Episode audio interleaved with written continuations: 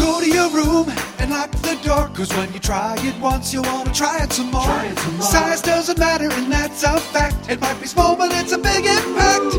Bust a nut, bust a nut.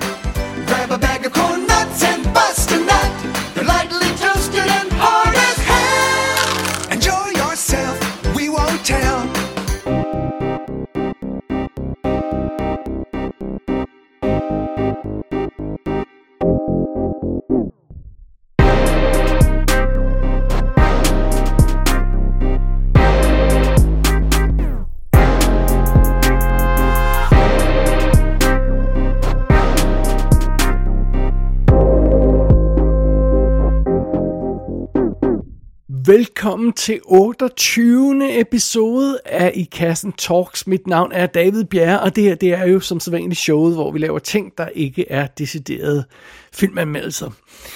Vi er tilbage ganske kort tid efter det traditionsrige top-bottom show, så er vi klar med endnu en I Kassen Talks episode for lige at samle op på nogle små ting, øhm, inden vi skal til det store Oscar-nomineringsshow, som jo også kommer ind for en overskuelig fremtid. Så den her gang har vi lidt opvarmning til Oscar-ræset på programmet, og øh, der er et par af de sædvanlige lyttere, der har sendt top-bottom-lister ind. Øh, det skal vi også kigge igennem, og så er der en god portion seriesnak til sidst. Så... Øh, det er faktisk øh, mere eller mindre planen for i dag. Ikke noget stort, øh, kæmpe emne, noget stort øh, halløj. Bare, bare lidt, øh, lidt øh, housekeeping, som vi siger.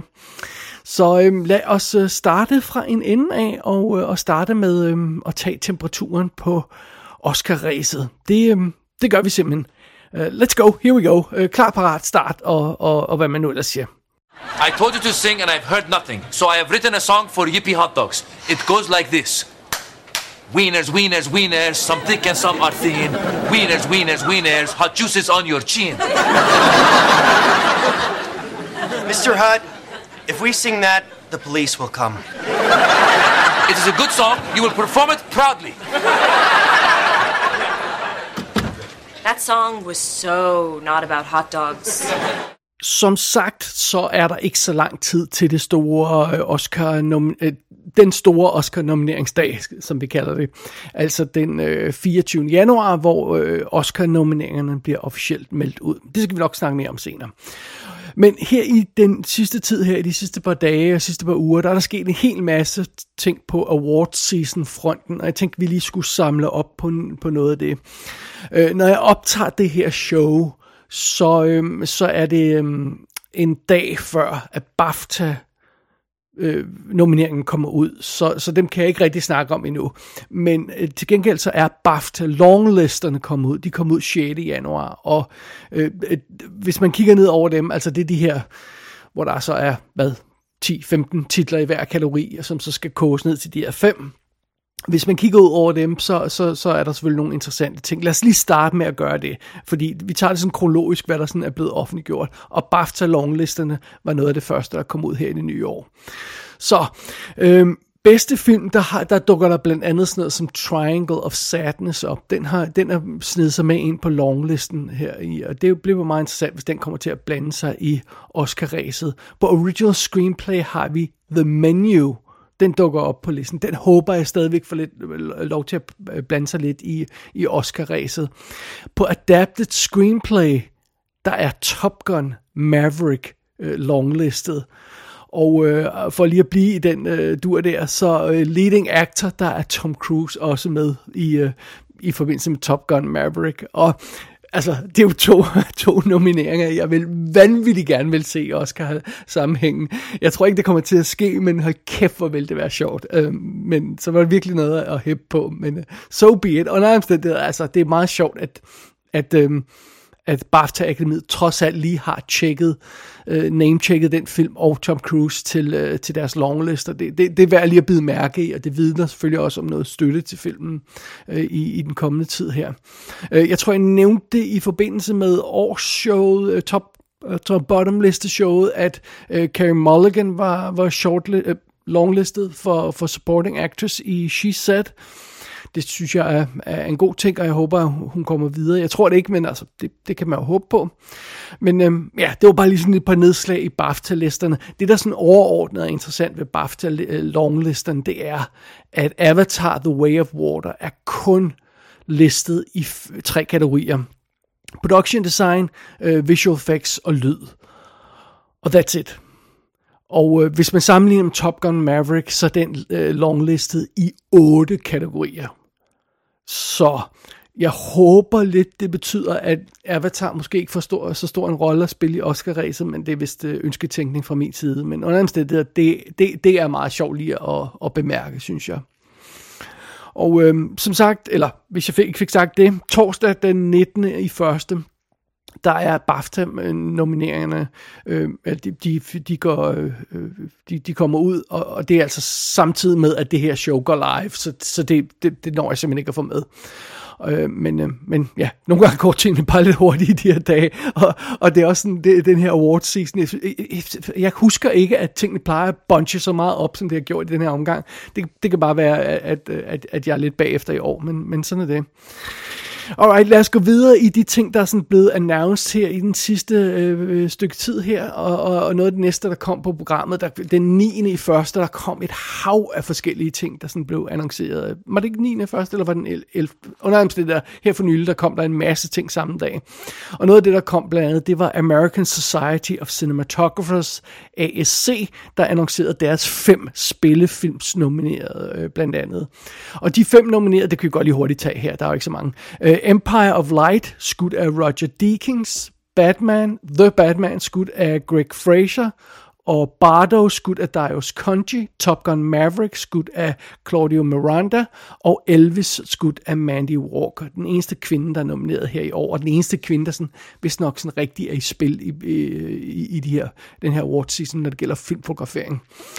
Øhm, og, og American Society of Cinematographers plejer at line meget godt op med Oscar-nomineringen, sådan mere eller mindre, måske er der en, de misser eller sådan noget, eller er de uenige med, men, men det er da værd at bemærke i hvert fald, at i de her fem, der finder vi ikke Avatar The Way of Water skudt af Russell Carpenter, og vi finder ikke The Fablemans skudt af Janusz Kaminski. Så, og det, de skulle jo gerne have en lille, et lille vinge ved en ASC-nominering, hvis de skulle blande sig i Oscar-ræset. Så ja, igen, vi kan, det er ikke nogen garanti, det er ikke noget, vi kan sige, øh, øh, øh skåret ud pap øh, øh, og hugget sten, og hvad det hedder. det, det, det er ikke noget, vi kan sige 100% garanteret. At, når de her navne ikke er med i American Cinematographer-nomineringerne, så kommer de ikke med på oscar så Det kan vi ikke sige, men det, altså, vi kan, vi, kan, vi, kan, vi kan stusse over det i hvert fald, og, og overveje, om vi, vi skal fjerne dem fra vores Oscar-nomineringsgæt, hvis man laver sådan nogle. Alright, lad os kigge videre. Så kom øh, midt i det hele kom Golden Globe øh, jo også, så det, øh, som, som lavede deres første rigtige show efter et års break. Øh, så kom Golden Globe. Vinderne blev annonceret, og, øh, og det, igen, det, vi kan ikke bruge det til så meget, men altså, igen, bare lige sådan, det, igen, det er, jo flere datapunkter man får, jo flere, øh, jo flere gange nogle af tingene sker, jo, jo mere kan man sådan begynde at tage det for gode varer, det også vil ske ved Oscar-showet. Så lad os bare lige hurtigt se, hvem det var, der vandt øh, Golden Globes. Øh, bedste drama blev The Fablemans, og bedste komedie blev The Banshees of Inisherin. Og det er jo sådan to af de film, der så også formodentlig vil ligge og, og konkurrere i forbindelse med Oscar-ræsen. Nu har de jo to kategorier i Golden Globe, så det, det, øh, det, det, det bliver sådan en underlig situation. Men altså under omstændigheder, det er, det er to film, der, der kommer til at være hot shit formodentlig i Oscar-ræset. Øhm, og, og, og det bliver interessant, om, om det igen er sådan en, en, en nostalgisk feel-good film, øh, som Fablemans som på en anden plan er, eller om det er sådan noget lidt mere kynisk som Banshees. Det, øh, det får vi at se. Bedste drama skuespiller blev Austin Butler med Elvis, og bedste drama skuespillerinde blev Kate Blanchett med Tar. Og Blanchett ligger godt i svinget til Oscar. Austin Butler, han, øh, han er, har måske mere konkurrence i forbindelse med Oscar øh, til øh, ræset i bedste mandlige hovedrolle. Men øhm, det er altid godt at få et, et, et par, par vinger til på scorekartet i leading up til Oscar, Oscar Night som jo er i marts først, så vi er altså vi er jo et godt stykke tid ude på det her tidspunkt. Øh, derudover bedste komedieskuespiller Colin Farrell, The Banshees of Inisherin, og det er jo igen så en af de øh, film, der så, så, hvor, han, hvor han kommer til at blande sig i forbindelse med, øh, med, med Austin Butler. De to kommer til at formodentlig til at konkurrere blandt andet i samme kategori til Oscar. Øh, og så har vi bedste comedy actress, der er det så Michelle Yeoh for Everything Everywhere All at Once, og igen, hun er også en af dem, der er hot tippet til en Oscar. Hvis ikke bare en nominering, så i hvert fald et win også. Det, det, det kunne være meget interessant. Så øh, uh, Kate Blanchett eller Michelle Yeoh for, øh, for en film, jeg ikke tror, jeg gider at se, og en film, jeg ikke kunne komme igennem. Det er selvfølgelig lidt ærgerligt, men jeg kan lide begge skuespillere, så det er selvfølgelig det, det er altid noget. Uh, supporting actor var det Ki Hai hvordan man siger, Hi, Ki Hui Kwan, eller hvordan man siger det, fra, øh, fra Every, Everything Everywhere All at Once, der vandt bedste supporting actor, og bedste supporting actress var Angel Bassett for, for Black Panther 2. Og bedste instruktør, Steven Spielberg, The Fablemans. Så igen, ham er der altså godt nok mange, der tipper til endnu et Oscar-win her. Øhm, men, men det kommer alt sammen an på, hvordan øhm, den periode, der er mellem når nomineringen bliver offentliggjort, og så den øh, selve Oscar Night, hvordan tingene udspiller sig der. Og der er jo så de små halvanden, to måneder derimellem, til at tingene kan gå galt eller gå godt. Så det, det bliver meget spændende, men, men uh, Steven Spielberg fik altså en Golden Globe som bedste instruktør for, um, for The Fablemans. Derudover så gik bedste manus til The Banshees, og bedste score gik til Babylon. Øh, bedste sang gik til RRR-sangen, den indiske øh, sang, og som jo så ikke kommer med i Oscar-ræset, og bedste udenlandske film blev Argentina 1985, og bedste animeret film blev øh, Guillermo del Toro's Pinocchio. Også en af dem, der hot tippet til en Oscar-win ovenkøbet. Så jeg håber stadigvæk, sådan, at, at Marcel the Shell slår den, men, men det tager vi til den tid. Så det var sådan bare lige lidt øh, Golden Globe halløj der, og jeg, jeg er stadig lidt i tvivl om, hvor meget vi egentlig skal tage det for gode varer, men de lægger sig jo selvfølgelig også op af nogle af de andre awards. Øhm, øh, datapunkter, så, øhm, så der, der er ikke noget her, der ser helt vildt mærkeligt ud, og, og, øhm, og, og, og måske så giver det et lille boost til, til, til nogle af spillerne her, at, at de lige får en Golden Globe nominering med på vejen. Lad os gå videre i racet. Den øh, 11. januar, der kom der så også SAG Awards nomineringer. Altså Screen Actors Guild kom med deres egne nomineringer, og det er jo en af dem, der er hardcore til at tage og gå efter. Det er ikke usædvanligt, at SAG-nomineringerne og Oscar-nomineringerne matcher 5 til 5 inden for nogle af de kategorier der, og, og i hvert fald 4 til, 4 til øh, matcher over. Men ja, nu må vi se, hvordan det kommer til at gå i den her gang. Jeg ved ikke, om vi lige skal tage dem hurtigt. Der er jo ikke så forfærdeligt mange øh, af dem. Alt andet lige, det kan vi godt. Bedste øh, performance by, uh, by an actor in a leading role, altså bedste mand i hovedrolle. Austin Butler for Elvis igen øhm, øh, Colin Farrell for, for Banshees, Brendan Fraser for, for, øh, for The Whale, og Bill Nye for Living. Der er jo den her remake af Kurosawa-filmen, meget interessant. Den, den, den skal vi se, om vi kan nå at få fanget på en eller anden måde.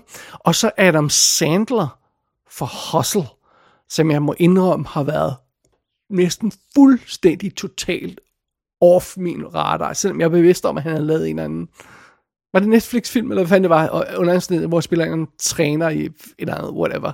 Men Adam Sandler, SAG-nominering, oh, oh, alright, fair enough, uh, let's kigge på det.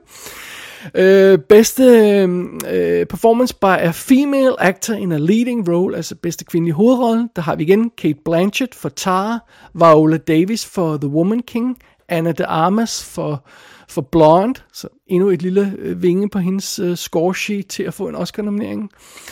Øh, Daniel Deadweiler for Till, og Michelle Yeoh for Everything Everywhere All at Once. Ikke, øh, ikke nogen store overraskelser der, men, øh, men det, øh, det, bliver, ja, det bliver spændende at se, om det er altså så en af de kategorier, der går 5 til 5, eller Oscar har lidt andet at byde på i den kategori. Bedste øh, performance by male actor in a supporting role, altså bedste mandlige birolle, der har vi Paul Dano for The Fablemans, Brendan Gleeson for The Banshees of Inisherin, øh, Barry Keegan for, igen, The Banshees, og øh, Ki Hoi Kwang for Everything Everywhere All at Once, som man altid skal tale langsommere den titel, fordi ellers kløjes man i det. Øh, og, og, og det, hvis man ikke kan huske, hvem skuespilleren er, så er det jo ham, der spiller Short Round i, i Indiana Jones and Temple of Doom, og han har jo haft en, han er jo simpelthen så sød, når han går, kommer til alle de her award shows, og, og er så glad for at endelig at have fået en god rolle igen, efter 30 år. det er meget sjovt. Øh, så sådan det. Jeg skal nok lære at sige hans navn helt ordentligt, inden vi, vi når til også nomineringsshowet. Håber jeg. Og så har vi Eddie Redmayne for The Good Nurse, altså Netflix-filmen, som jeg ellers synes er gået mere eller mindre under radaren. Så øhm, alright, meget interessant. Så har vi bedste øhm, performance by female actor in a supporting role, altså bedste kvindelige birolle. Øh, og der er det igen Angel Bassett for Wakanda Forever. Det er øh, Hong Chao for The Whale. Det er Carrie Corden, øh, Condon, undskyld, for øh, The Banshees of Inisherin. Og så er det både Jamie Lee Curtis og Stephanie Sue for Everything Everywhere All at Once. Og Jamie Lee Curtis' rolle øh, som den her irriterende sekretær, i hvert fald i starten af filmen, det var en af grundene til, at jeg slukkede for Every, Everything Everywhere All at Once. Jeg synes, hun var så fucking irriterende, så det halve kunne være nok. Øh, og det var hende der Stephanie Sue i også. Så, ja, jeg, jeg ser desværre ud som om, jeg bliver nødt til at kæmpe mig gennem, gennem, den film, hvor meget jeg end har, hvor lidt har jeg end har lyst til det. Alright, og så det sidste datapunkt i forbindelse med SAG, det er jo det her interessante med øhm, Best Performance by a Cast in a Motion Picture, altså ensemble prisen som lidt er deres bedste udgave af, øh, deres udgave af bedste filmkategorien. Og her der får vi altså noget interessant, fordi de fem nominerede i den kategori er Babylon, The Banshees of Inisherin, Everything Everywhere All at Once, The Fablemans og Women Talking. Så Babylon, der ikke ellers er nomineret, er nomineret for bedste ensemble, og Women Talking, der heller ikke ellers var nomineret, er nomineret for bedste ensemble. Meget interessant, fordi de er igen skuespillerne. Skuespillere er en stor del af akademiet. God støtte fra skuespillere betyder god, øh, større chancer for at blive nomineret. Så, men alt det her haløjse her, det plotter vi jo stille og roligt ind i vores store chart og prøver at finde ud af, om øh, hvem der bliver Oscar nomineret her om en uges tid. Øh, Og, og, så, så det er meget interessant. Men øhm, ja, så det, det har vi nu at gå efter. Og øh, der er mere stof i forbindelse med Oscar-ræset her, fordi der er jo også to af de, øh, de store guilds, der, øh, der annoncerede deres nomineringer her for nylig. Directors Guild annoncerede den 11. i første også. Og hvis vi, der, ikke, der, der er kun fem, så dem tager vi lige hurtigt. Øh, øh, DGA, de er, altså- øh, de nominerede altså de her fem instruktører. Todd Field for Tar, Joseph Kosinski for Top Gun Maverick, Daniel Kwan og Daniel Scheinert for Everything Everywhere All at Once, øh, Matthew McDonough for The Banshees of Inisherin og Steven Spielberg for The Fablemans. Uh, det er godt, de lige husker uh, Kaczynski for, for Top Gun Maverick, fordi det var, det var jo ikke noget, Tom Cruise gjorde så faldt meget ud af på sin PR-tur. Men det er måske også okay, altså der er jo ingen, der ved, hvem Kaczynski er. Altså, det er jo ikke, fordi jeg tror, det er ondt ment fra Tom Cruises side, men han ved jo også godt selv, at han er stjernen i den film, så det går nok alt sammen, men det vil jo klæde ham at nævne instruktøren af og til. Øh, jeg har i hvert fald ikke set ham gøre det, men, men så er det. Men DGA huskede altså øh, Joseph Kaczynski øh, og give ham nominering for Top Gun Maverick. Det er, jeg synes, det er vanvittigt fedt, at den film blander sig i awards-racet. Det er, det er cool. Derudover så annoncerede Producers Guild også deres nominering den 12. første PGA. Det var, øh, de annoncerede så bare 10 film i, i, i alfabetisk rækkefølge. Øh, det er, øh, og jeg tror, jeg har dem i alfabetisk rækkefølge, har jeg ikke det? Jo. Uh, Avatar, The Way of Water, Banshees of Inisherin, Black Panther, Wakanda Forever, Elvis, Everything Everywhere All at Once, The Fablemans, Glass Onion, altså Netflix øh, øh ting, Knives Out ting der, Tar, Top Gun Maverick og The Whale. Det er PGA-nomineringerne, øh, de 10 PGA nomineringer. Og igen, ofte så kan vi overskrive dem til øh, ret præcis til, til Oscar bedste film nomineringerne, nomineringerne. Så det bliver spændende, om vi kan det i år også, men det er formodentlig i hvert fald det her batch, som vi skal finde vores Oscar-nomineringer i. Det kan godt være, der bliver en lille smule variation, men formodentlig ikke særlig meget. Så det, og så rent faktisk lige her til sidst på faldrebet, så en sidste ting, så kom The Critics' Choice, øh, kom med deres øh, vinder simpelthen, så de, de uh, Critics' Choice Awards annoncerede deres vinder her den 16. og lad os bare lige tage det med os hurtigt. Uh, deres bedste film er Everything Everywhere All at Once. Wow. Bedste skuespiller, Kate Blanchett tar. Bedste sku det var skuespillerinde. Bedste skuespiller, Brendan Fraser, The Whale. Øh, bedste instruktør, Everything Everywhere All at Once teamet. Og, øh, og det er jo... Ja, ja, så den får altså bedste film og bedste instruktør. den.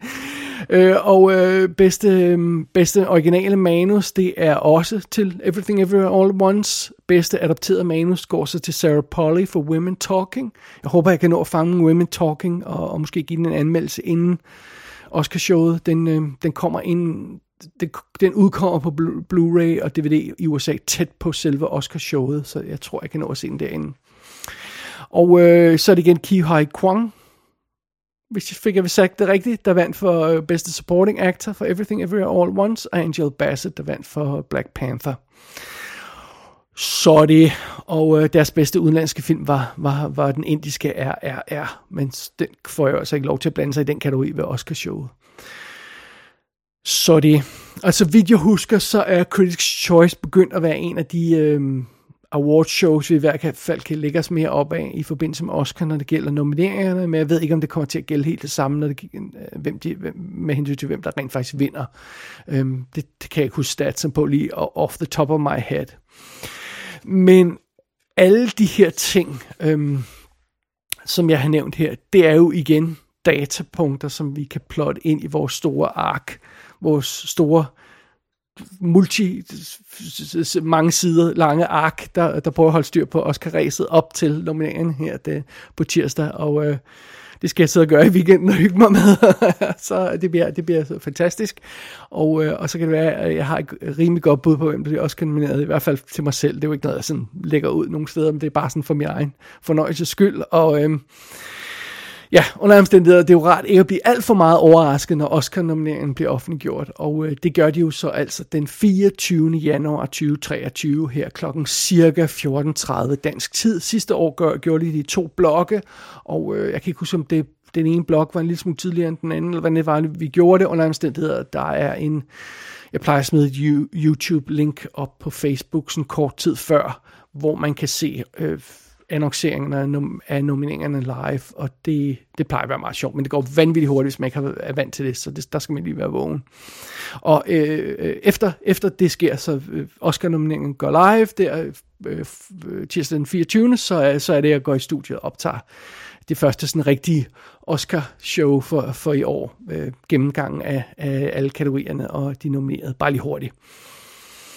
Så det, det bliver spændende, meget spændende. Der kommer til at ske en masse Oscar her i de nærmeste par dage, og, øh, og, øh, og det glæder vi os til. At, jeg, jeg glæder mig i hvert fald til at, til at kaste mig over det, og, og forhåbentlig at, dem, der ikke glæder sig, de kan, de kan godt holde ud og høre på det alligevel.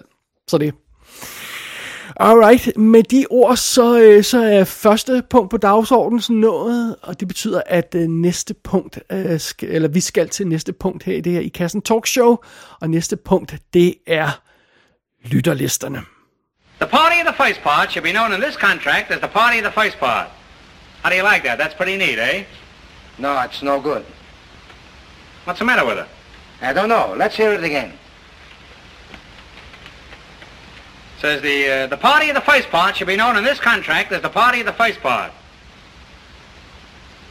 Well, sounds a little better this time. Well, it grows on you. Would you like to hear it once more? Uh, just the first part.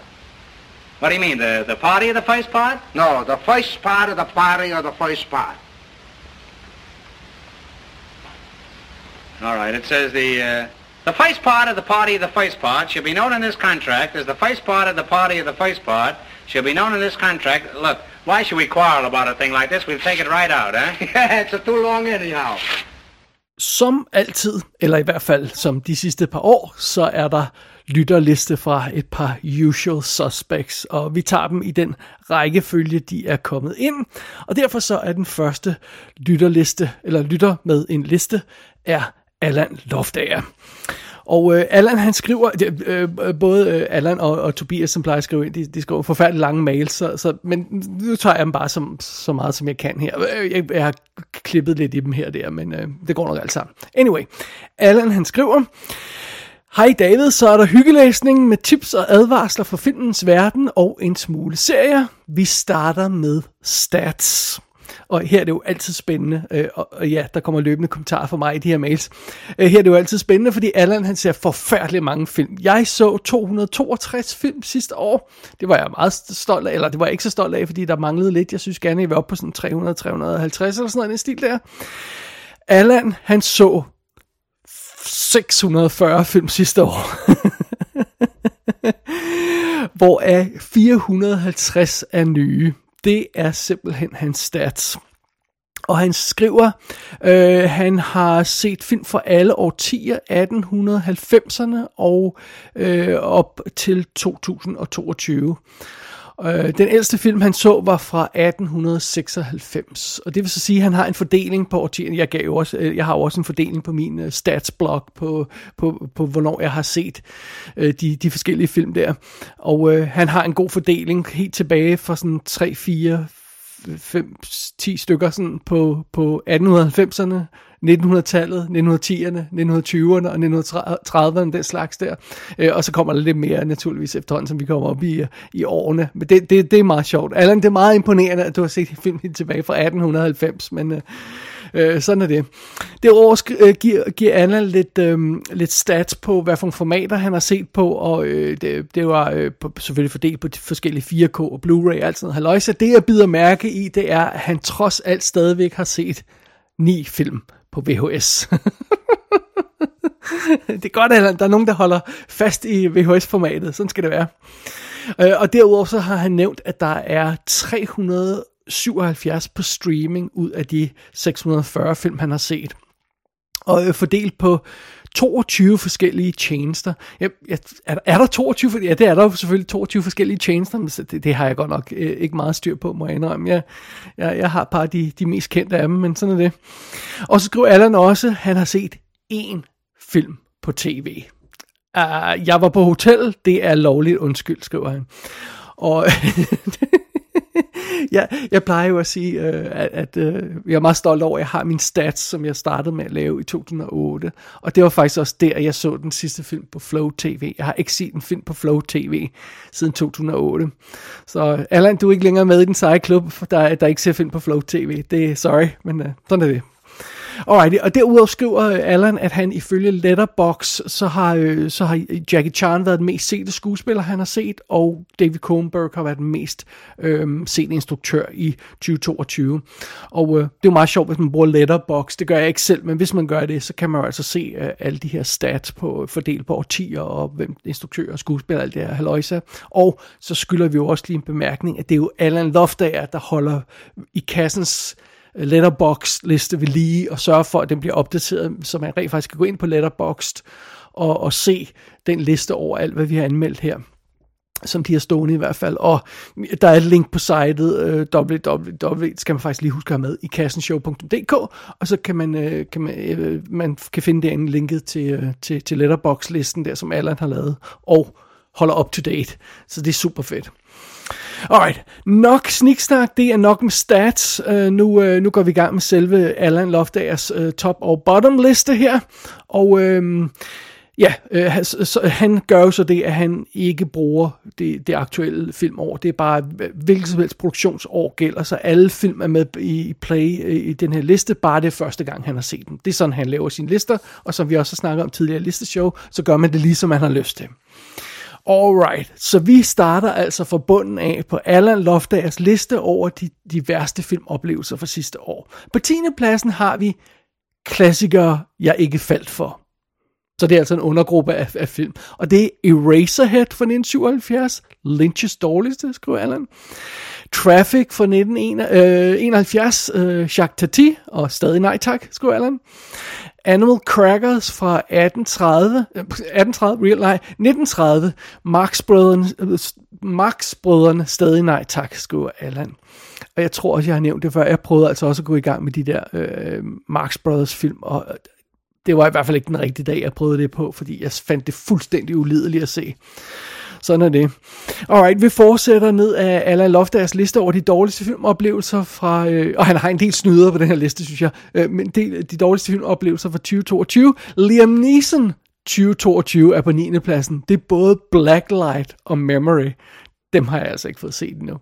På 8. pladsen, Bill and Ted Face the Music. Og øh, han skriver, de gamle er da hyggelige, men den nye er bare irriterende. Jeg har kun set den første Bill Ted film. Jeg har aldrig rigtig været på Bill Ted-vognen øh, der, så jeg tror, jeg skal tage dem på et tidspunkt. Og, og i sagens natur har jeg heller ikke set træerne der, de lavede øh, i 2020. Så sådan er det. På syvende pladsen, Hobbit-trilogien. Øh, jeg havde set den korte version af den første film før. Jeg øh, genkendte ingenting, så den tæller som ny. Jeg betalte 40 svenske kroner for en 9-disk Blu-ray box, og jeg føler mig snydt. Come on, Allan, så forfærdelig er Hobbiten der heller ikke. Alright, på 6. pladsen over de dårligste film fra Allan Loftager, Old, M. Night Shyamalan. Ja, yeah, det må stå for din regning, Allan. Jeg gider simpelthen ikke at se hans film mere. Det, det, det gør jeg simpelthen bare ikke. Så, så det, det, det, tro, det tager jeg dit ord for. Uh, Old er sikkert lidt så forfærdelig som alle de andre Shyamalan-film. På femtepladsen har vi Spiral from the Book of Saw. Den må jeg indrømme, jeg heller ikke har set. Jeg mangler de to-tre sidste af Saw-filmene, og jeg kan huske mm, den første svagt. Så jeg overvejede faktisk på et tidspunkt, om jeg skulle lave sådan en franchise gennemgang af Saw-filmene. Øh, det går jeg stadig og leger lidt med, men, øh, men ja, nu må vi se. Under omstændigheder, det var Allans øh, femteplads. plads. På fjerde pladsen, en samlet pakke af elendige julegyser, skriver Allan. The Santa Suicides, Where Dear, Nutcracker Massacre, He Knows, Demonic Tr- Christmas Tree. Det er nogle af de, de julefilm, Allan har set. Vi, vi har sådan en, øh, en fast ting kørende mig, Allan. Vi, vi skal frem og tilbage med, med, med, med julefilm, vi finder, som vi har opdaget i julefilm. Og, øh, og Allan han går fokuseret efter at se nogle flere julefilm, og der var altså åbenbart ikke nogen af de her, der, der, der, der gav bonus. Fair nok. På tredjepladsen over Allan Loftagers dårligste film, der har vi Dark Glasses. Argento er tilbage med en film, hvor man bogstaveligt, øh, i bogstaveligt talt kan se, at den bliver ringe fra første skud. Det lyder ikke godt. Der, der ved jeg, at vores, øh, vores anden kære lytter, øh, Thomas Rostock, han, han sikkert øh, vender drejer sig i graven, fordi at han elsker Argento, men øh, jeg ved altså ikke, øh, om han også er lige så vild med Dark Glasses. Det kan jeg simpelthen ikke huske, om, jeg, om han har skrevet. Det, det må jeg lige tjekke op på. Oh well, you can win them all. På anden pladsen over Allans øh, dårligste filmoplevelser for sidste år har vi Moonfall. Jamen dog. Det var den, jeg havde på min første plads. Det er godt, Allan, vi er totalt i synk her. Uh, han skriver, uh, Moonfall, det er ikke godt, når man kan ændre et bogstav i titlen, og det bliver en passende anmeldelse. Uh, okay, Moonfail, skriver han det så. Ja, okay, jeg tænkte, det var Moon Balls, eller... Nå, okay, anyway.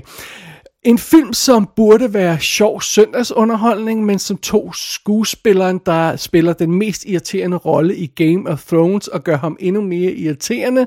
Øh, men, jeg har den, den, men jeg har en idé til, hvordan det kan reddes, øh, hvordan man kan redde filmen. Det involverer en saks og fjernelse af alt med klaphatten.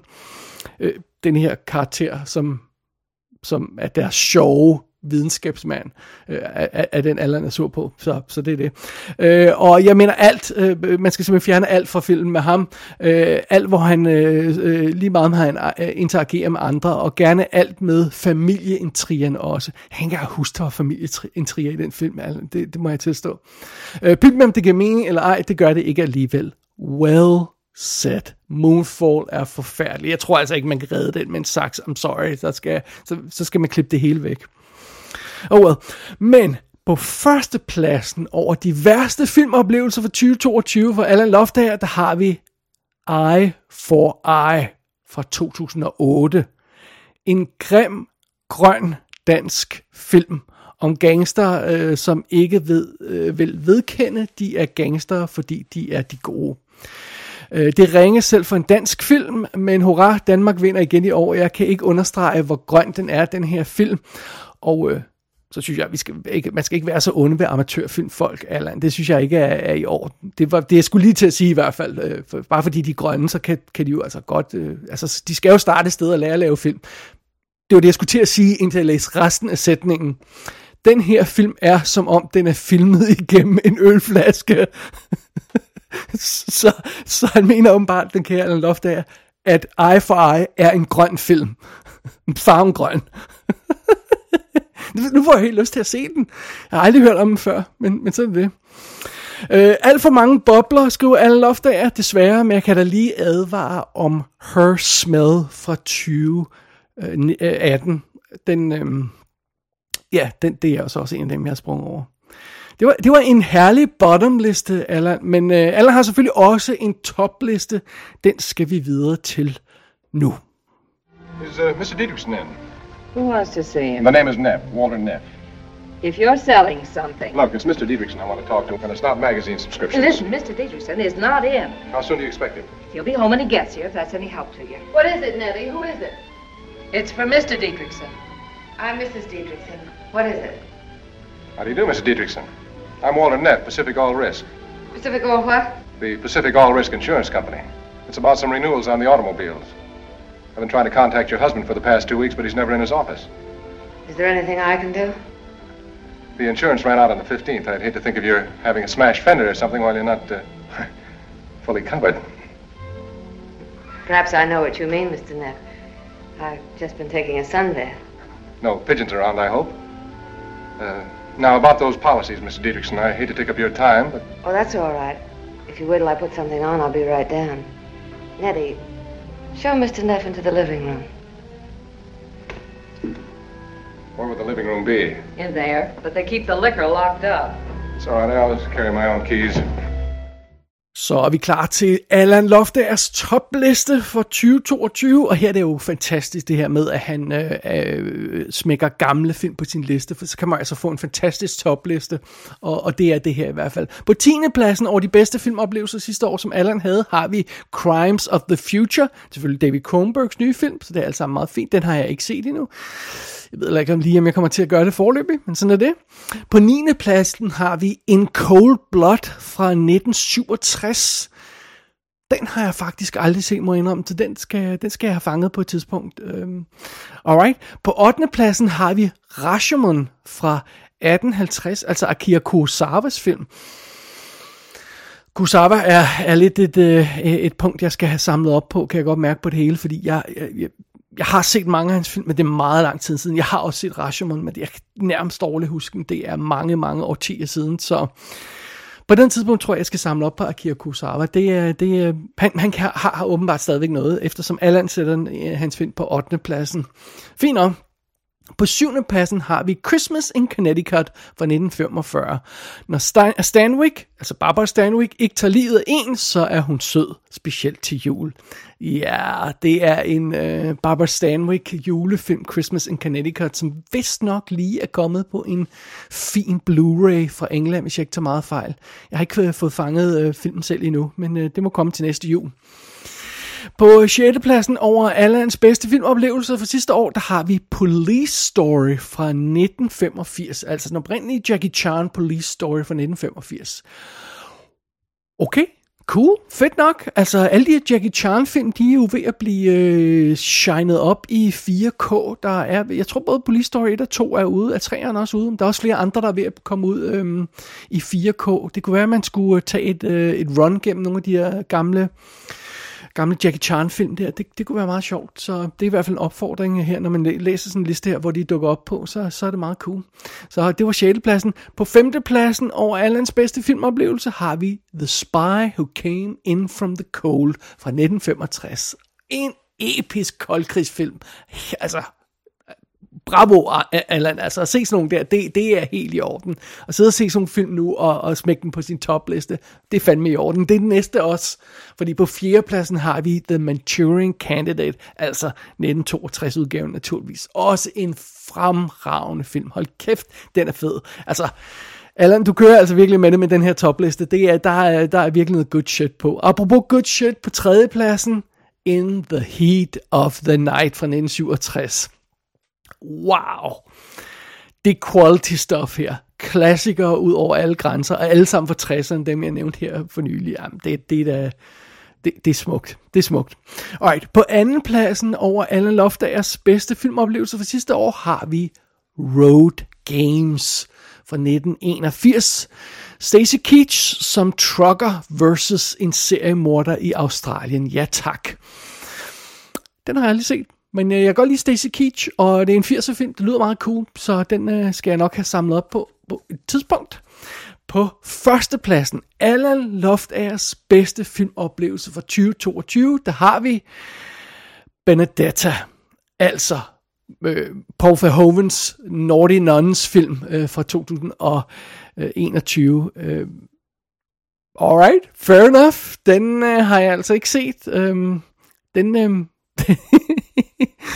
jeg er ikke sikker på, at det var en film for mig, men okay, fair nok. Altså, efter, øh, jeg må indrømme, efter øh, øh, mig og Dennis, vi tog øh, den der tur igennem øh, Paul Verhovens gamle film i forbindelse med Double D's Defensive DVD-podcast for nogle år siden, der, der har jeg altså godt nok ikke haft lyst til at se andet Paul Verhoeven end hans klassiske hardcore øh, Hollywood-film. Det, det må jeg nok erkende. Alle. Det kan være, at jeg skal genoverveje det med, i forbindelse med hans nonne-film her. Fair nok. Det var simpelthen hen Alan Loftagers topliste over 2022's bedste filmoplevelser. Men der er mere, fordi Allan har også sendt en, øh, en liste ind over noget tv-halløj.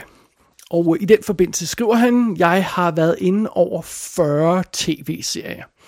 Det lyder som om, han gør lidt det samme, som jeg gør. Altså, jeg tager serierne med på min liste, om jeg har gjort dem færdige eller ej. Det er sådan 40 forskellige serier, har han været inde over, og det, det, det, det, det var også sådan, jeg lavede min liste. En opgav jeg Frontier, og, jeg, og nogen blev jeg bare ikke færdig med, men øh, der blev set en hel del sæsoner. Øhm, app, Apple viste igen muskler, altså øh, Apple øh, TV, og øh, leverede noget af det bedste på seriefronten med Severance, øh, Shining Girls, Ted Lasso Season 2 og The Servant Season 3. C, altså S-E-E, -E, var nok den eneste smutter, jeg var inde over fra deres side. Jeg har ikke nået til de her serier endnu, Allan, selv personligt. Jeg, øh, jeg ved, at uh, Severance er på min liste, og Ted Lasso tror jeg, jeg springer over. Servant gider ikke rigtigt, det er jo også Shyamalan, der er inde over det, men, men fair nok. Øhm, fair, fair nok, at du nød dem. Øhm, så skriver Alan Loftager videre, Netflix var også gode med Cuphead Season 1 og 2, Afterlife Season 3, The Woman in the House Across the Street from the Girl in the Window. Fantastisk titel. The Kaminsky Method Season 1-3 og Archive 81. Sidstnævnte har jeg jo også snakket om i kassen talks tidligere. Øh, med så meget godt, så gør det ikke så meget, at jeg fortsatte med Lock and Key, som ellers bare blev mere og mere frustrerende. Allan, jeg har sgu ikke set Lock and Key, det må jeg indrømme, den, den er jeg altså sprunget over. Så hvis du siger, at den er frustrerende, så tror jeg altså ikke, jeg kommer til at kaste mig over den. Øh, derudover så øh, skyder Allen også lige en advarsel sted på serien, der hedder The Longest Night, som er en juleserie i øh, Assault on Precinct 13 klæder, skriver han. Det lyder fedt, men det var det bare ikke, og en ekstrem skuffende slutning. Ja, ja, så ja, den, den, øh, den, den holder vi os fra, Allan. Øh, øh det, det er modtaget. Fint nok. Jeg glæder mig til et nyt filmår, skriver Allan, med masser af nye film i kassen. Måske kan vi nå frem til film nummer 1000 på Letterbox-listen, som jeg fik annonceret lige lidt for tidligt en gang i 2022. Ja, Allan kom til at annoncere øh, film nummer 1000 på, på, i kassen øh, Øh, lidt, lidt, lidt for tidligt. Jeg tror, det var da vi ramte 900 eller sådan noget, en stil der. Men under omstændigheder, hvis vi fortsætter formatet med, med de her sådan cirkus øh, ni anmeldelser om måneden, så rammer vi jo altså... Øh, så rammer vi jo altså 1000 her i, i løbet af, af 2023, så øh, det er meget spændende. Så skriver Allan også, til sidst her, så har jeg for øvrigt lavet en masse nye lister på Letterbox. Det er lister for de forskellige årgange af filmårbogen. Jeg er langt fra færdig, men det er øh, sjovt lige at smutte ind og læse en gammel omtale, efter jeg har set en film øh, fra de bøger, øh, som jeg har nået at lægge ind. Godt nyt filmår, skriver Allan Loftager. Og øh, lad mig lige tage fat i den sidste der, fordi øh, det der er meget sjovt, det er, Allan, du, du lægger de her filmårbøger. Altså Allan har været ude på, øh, på antikvitetsmarkedet, og så havde fat i de der gamle filmårbogen, som der blev lavet i, øh, i Øh, årtier jo. Øh, jeg skrev med på et par af de sidste af dem, for er det, 6, 7, 8 eller sådan noget, jeg skrev med på, og, og, og så holdt man op med at lave det på et tidspunkt. Men de gamle filmårbøger, dem kan jeg huske, det var jo sådan, man sagde, det var den perfekte mandelgave og sådan noget, og, og, og de er faktisk meget sjove at se igennem, og det er meget sjovt at tage de, de, øh, de bøger og lægge dem på, op som letterbox-lister. Allan, du skal lige sørge for at skrive et link til mig med de der letterbox-lister, hvis det er, og så jeg kan finde dem på en bestemt måde, øh, som på en smart måde, og så lægge dem ind øh, på enten øh, i shownoterne, eller hvordan vi nu gør. Det skal vi lige finde ud af. Men sådan er det. Under omstændigheder, det var simpelthen øh, lytterlistebidrag fra Allan Loftager. Lad os gå videre i showet. Ryan, What are you doing here? How did you get in? the door was open. I locked that door. A key. Lauren is missing. She gave you a key and sent you here to do some evidence house cleaning. No, I painted Hibbing's portrait. He gave me this key to let myself in. I have no idea where Lauren is. The killer could be stalking her. Stalking, schmocking, she lied about me in the witness stand. She set me up to come here the night of the murder. No, she couldn't do anything like that. Coulda, woulda, shoulda, she didda. I understand her, you see. I think she's my sister. Sister. It's like a brother, only you do each other's hair. I think she's in grave danger. I came to look for clues. Ryan, I know you're innocent. You really mean that? I mean, this is not just another way to meet guys. Nummer to er The Usual Suspects, når det gælder lytterliste bidrag til I Kassen og I Kassen Talks. Det er naturligvis Tobias Nielsen. Han har endnu en gang også sendt en top og en bottom liste til mig, så øh, dem, øh, dem, dem kaster jeg mig bare over her. Øh, han skriver, Tobias, kære David, award, awards shows i al ære, men det er, der er en begivenhed, som alle filmfolk verden over har glædet sig til mere end Oscars. Det er i kassens listeshow. det er her, vi i sandhed får at vide, hvad der rører sig derude, hvad man skal holde øje med, og hvad, hvad man skal holde sig væk fra. Så uden omsvøb, her er min top- og bottom lister samt bobler, bobler i begge retninger, som altid inkluderer mine lister, film jeg har set for første gang, uanset udgivelsesår. Øh, der er vist også snedet sig en enkelt serie ind, men det er en afsluttet miniserie, så det går nok. Det er Tobias' indledende bemærkninger. Alright, så vi går i gang fra bunden af. Bottom bobler listen alfabetisk. Black Adam, som jeg jo også havde på min øh, bottom liste. In the Tall Grass fra 2019. Uh, Senior Year fra 2022. Shelley fra 2016 og The Viewing fra 2022. Nogle af de her film, som Tobias nævner, er en del af den her øh, Guillermo del Toro Cabinet of Curiosity serie på Netflix. Så, så hvis man synes, der er nogle af de her, der lyder lidt mærkelige, og man ikke kan finde dem, så skal man lige prøve at tjekke ind under Guillermo del Toros serie der. Sådan er det. Alright, det var lidt bobler. Lad os gå videre til bottom 10 listen. Øh, best to worst. På 10. pladsen, og tilgiv mig, øh, Tobias, jeg har redigeret en lille smule listen her, bare lige så vi kan komme lidt hurtigere igennem det. På 10. pladsen har vi The Von Trapp, uh, Von Trapp Family A Life in Music fra 2015. Hvorfor i alverden sætter du dig ned og ser sådan en film, Tobias? Come on! Altså, filmåret er, er, er, er, er der ikke til den slags øh, øh mærkeligheder der. Oh well, well, nu har du også betalt for det på, på 10. pladsen her. På 9. pladsen over Tobias' dårligste film, Skyggen i mit øje for Ole Bornedal som jeg også havde på min øh, bottom liste. Tobias skriver, ikke så skidt som jeg havde troet, men heller ikke så god. Underlige karakterer og underlige plot points, og efter min mening for meget fokus på karakterens oplevelser, der ikke har noget med hændelsen at gøre. Yes, lige præcis, det er problemet. På 8. pladsen har Tobias Prisoners of the Ghostland fra 2021. Det, øh, det er som om Escape from New York og Neil Marshalls Doomsday fik et uønsket barn med Crazy Cage i hovedrollen. Forvirrende og fyldt af plothuller, men øh, 12-tal for opfindsomhed. Jeg tror vist nok, jeg så 10 minutter af Prisoners of the Ghostland, og så tænkte jeg, jeg ved ikke, om jeg nogensinde skal se den her film, men det bliver i hvert fald ikke i dag, og så slukkede jeg for den. Og jeg har ikke vendt tilbage til den. Så sådan er det. Alrighty. På syvende pladsen over Tobias' øh, dårligste filmoplevelser, der har vi Cloud fra 2020. Uh, interessant koncept om, om influencer-afhængighed, øh, der vender sig til body horror. Desværre præsenterer filmen et alt for klichéagtigt koncept, uden at byde ind med noget som helst personligt standpunkt, og uden en eneste original tanke. Well, det, det er, ja, det er selvfølgelig ikke godt. jeg har aldrig hørt om den, så det, det, øh, det lyder som en film, jeg skal let og elegant springe hen over. På 6. pladsen over Tobias Nilsons øh, dårligste filmoplevelse sidste år har vi Dreams in the Witch House. Og indskudt bemærkning, det er altså endnu en Cabinet of Curiosities historie. Øh, for 2022, instrueret af Catherine Hardwick, som vi jo altså kender fra Twilight.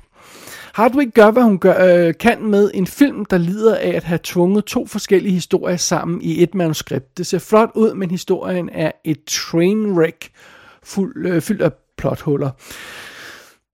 Okay, jeg har slet, jeg har slet, slet ikke kastet mig over den der Cabinet of Curiosity serie der, så jeg må tilstå, jeg, jeg er sådan en lille smule blank. Jeg, jeg er ikke engang klar over, at Catherine øh, Hardwick havde lavet en, en film eller en historie til den, men øh, well, sådan er det.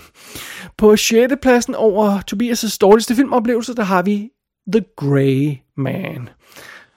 Og øh, ja, den havde jeg jo altså også på min bottomliste. Det er Anthony og Joe Russo. Russo-brødrene kan vist ikke lade være med at lave alt, som om det var en superheltefilm nu. Yes.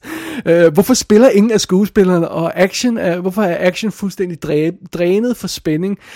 Fordi ingen ser ud til at interessere sig for, hvad der foregår. Ja, yeah, well, yeah, you said it. Altså, det var bare en, en bag of shit. Altså, der er ikke så meget der. På Tobias' fjerde plads over årets dårligste film har vi Godzilla vs. Kong fra 2021. Så en underlig kombination af at være alt for lang og langsomt, langsomt, samtidig med, at der er alt for mange karakterer med til, at de får øh, tid nok til at udvikle sig. Og så mange rip-offs fra andre bedre film. Havde jeg ikke også Godzilla vs. Kong på min bottomliste sidste år, eller forrige år, blev det så 2021? Det, det tror jeg faktisk, jeg havde. Så øhm, den, øh, den er helt med på. Den var, ikke, den var ikke god. På anden pladsen har Tobias The Wrong Missy fra, fra 2020. Tobias, hvorfor ser du de her film? Uh, et forsøg på en romantisk komedie, der drukner i sit eget budskab i uh, drukner sit eget budskab i larm, barnlighed, vulgaritet og kropsvæsker. So many fluids. Og så er der en masse komedieskuespillere i roller uden humor. Så ja, okay, fint nok. Uh, det er der blandt andet David Spade, der, der, der er med i uh, filmen, så fik jeg lige slået op, for jeg har aldrig nogensinde hørt om noget Wrong Tobias, altså, hvis du havde sagt til mig, at, at, at, at David Spade har lavet en film, der hedder The Wrong Missy, skal jeg se den, så havde jeg sagt nej. Jeg har aldrig hørt om filmen, men jeg har sagt nej. Okay, så du er selv udenom det, at den havner på min bottomliste. Så, så, så er det sagt. Og på anden pladsen over de dårligste filmoplevelser sidste år for Tobias Nelson, der har vi A Nightmare on Elm Street fra 2010. Øh, flad, kedelig og forudsigelig er ikke ord, øh, der burde betegne en, en Nightmare on Elm Street film, men jeg kan ikke finde en mere passende beskrivelse her. Historien og karakteren er håbløst ligegyldige, og instruktøren er mere interesseret i smart kameravinkler end et sammenhængende plot. Ja, jeg har altså ikke selv set 2010-filmen må jeg tilstå. Jeg, jeg gik lidt i stå i de der Nightmare on Elm Street film, efter vi, vi så de fem første i, uh, i øh, D, og så, så kom jeg aldrig videre i dem. Så der må jeg indrømme, der, der, der har jeg et, et, et, et blind spot lige der. Så, um, men, men det lyder ikke godt. Og på førstepladsen, filmen, som skuffede Tobias Nielsen mest sidste år. På førstepladsen har vi Wrongfully Accused fra 1998. Leslie Nielsen komedie, der leverer et konstant bombardement af vidigheder fra ende til anden, bare ærgerligt, at ikke en eneste af dem er sjov. Tobias, how dare you? Wrongfully Accused er, okay, måske nok en øh, elendig film fra ende til anden, men den har trods alt en af verdens bedste replikker. Come on, your lies are like bananas, they come in big yellow bunches. Hvis ikke det er en fantastisk replik, så ved jeg ikke, hvad er. Come on. Men okay, det var vist ikke en god film. Jeg, jeg, jeg, jeg mindes, jeg så den tilbage i 98, og, og jeg har ikke set den siden, så det må der være en grund til. Øh, ja, de, de der Leslie Nielsen film, det er, altså, der er høj pistolføring, og så ikke mere. Så skal man holde sig til det. Så. Det var Tobias' bottom liste for sidste år. Lad os prøve at kigge på hans topliste. Why does a geological mapping mission need explosives? You weren't listening in class. Seismic charges for the Geological Survey. Uh huh. You believe that? I didn't say that. Have you met Colonel Packard yet? Yeah. The guy's wound pretty tight. Well, the man's a decorated war hero. That's the package they come in. And you? Isn't shooting a mapping mission a step down for a photojournalist? The right photo can help shape opinions. And win you a Pulitzer. Okay, Captain Conrad. What about you? How did British Special Forces get dragged into this? Just Conrad. I'm decommissioned. Uh huh. They offered me money. You don't strike me as a mercenary.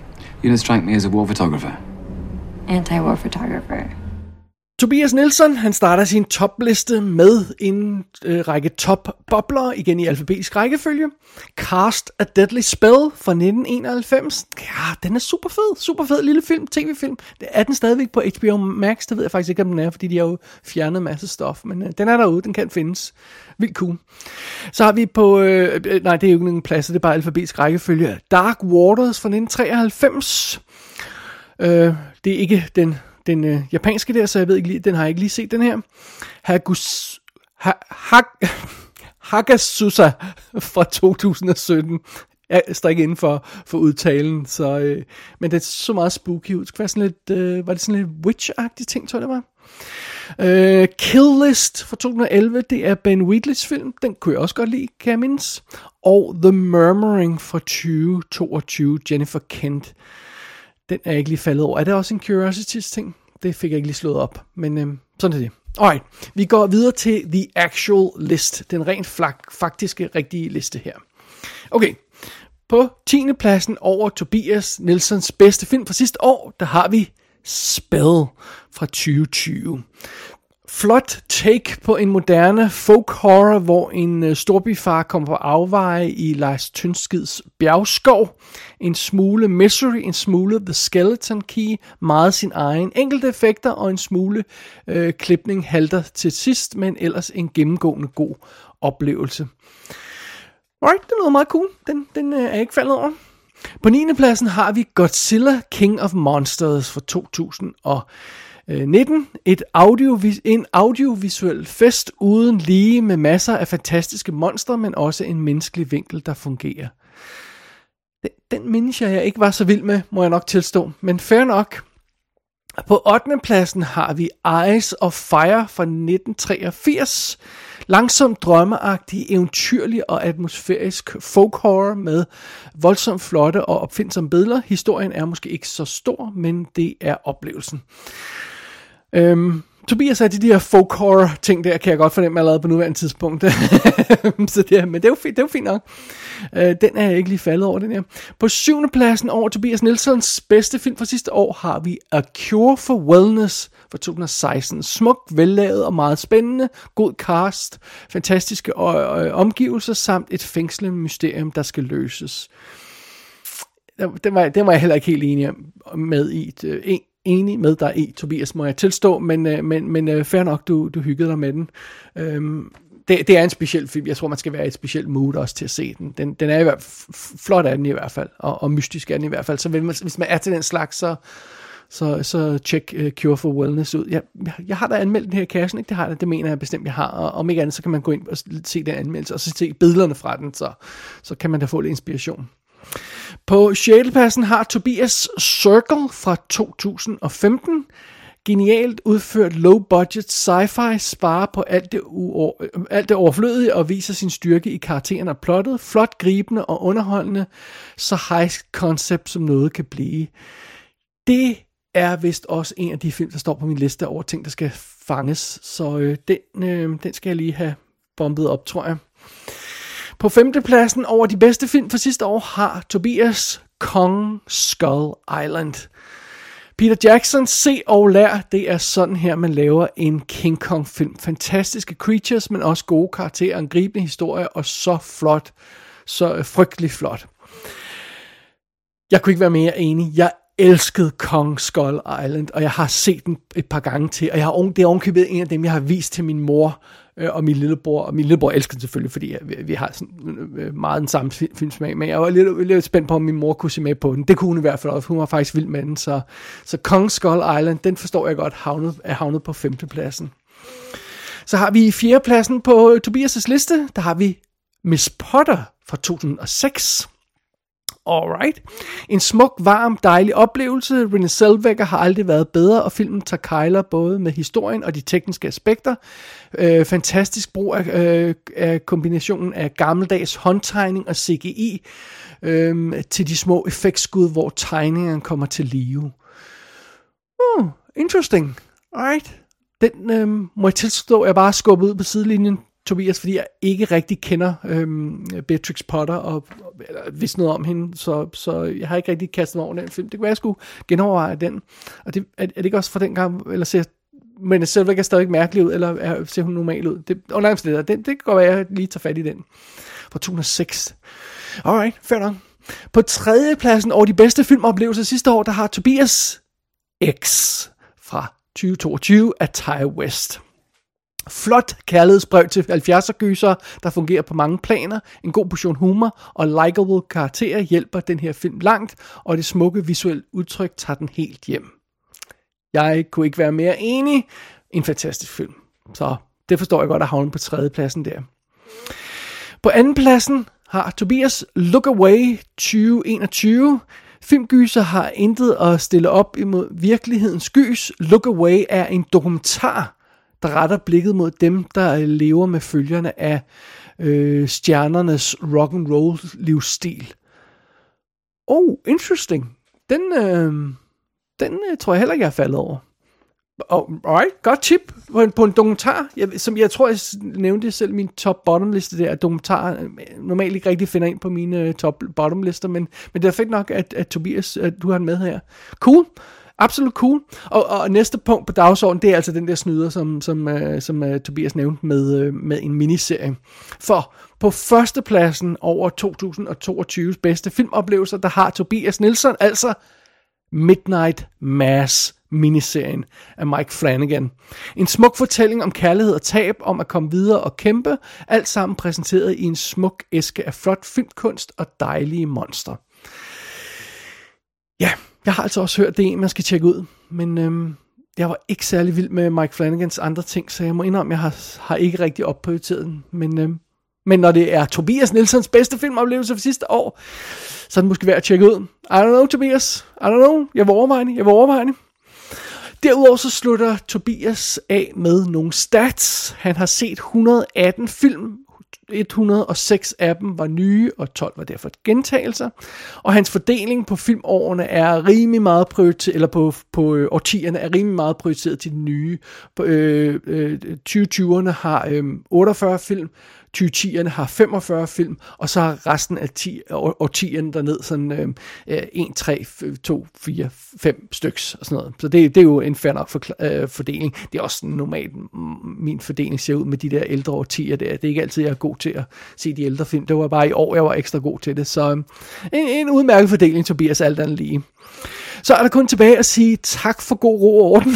jeg ved ikke, har vi haft god ro og orden i kassen?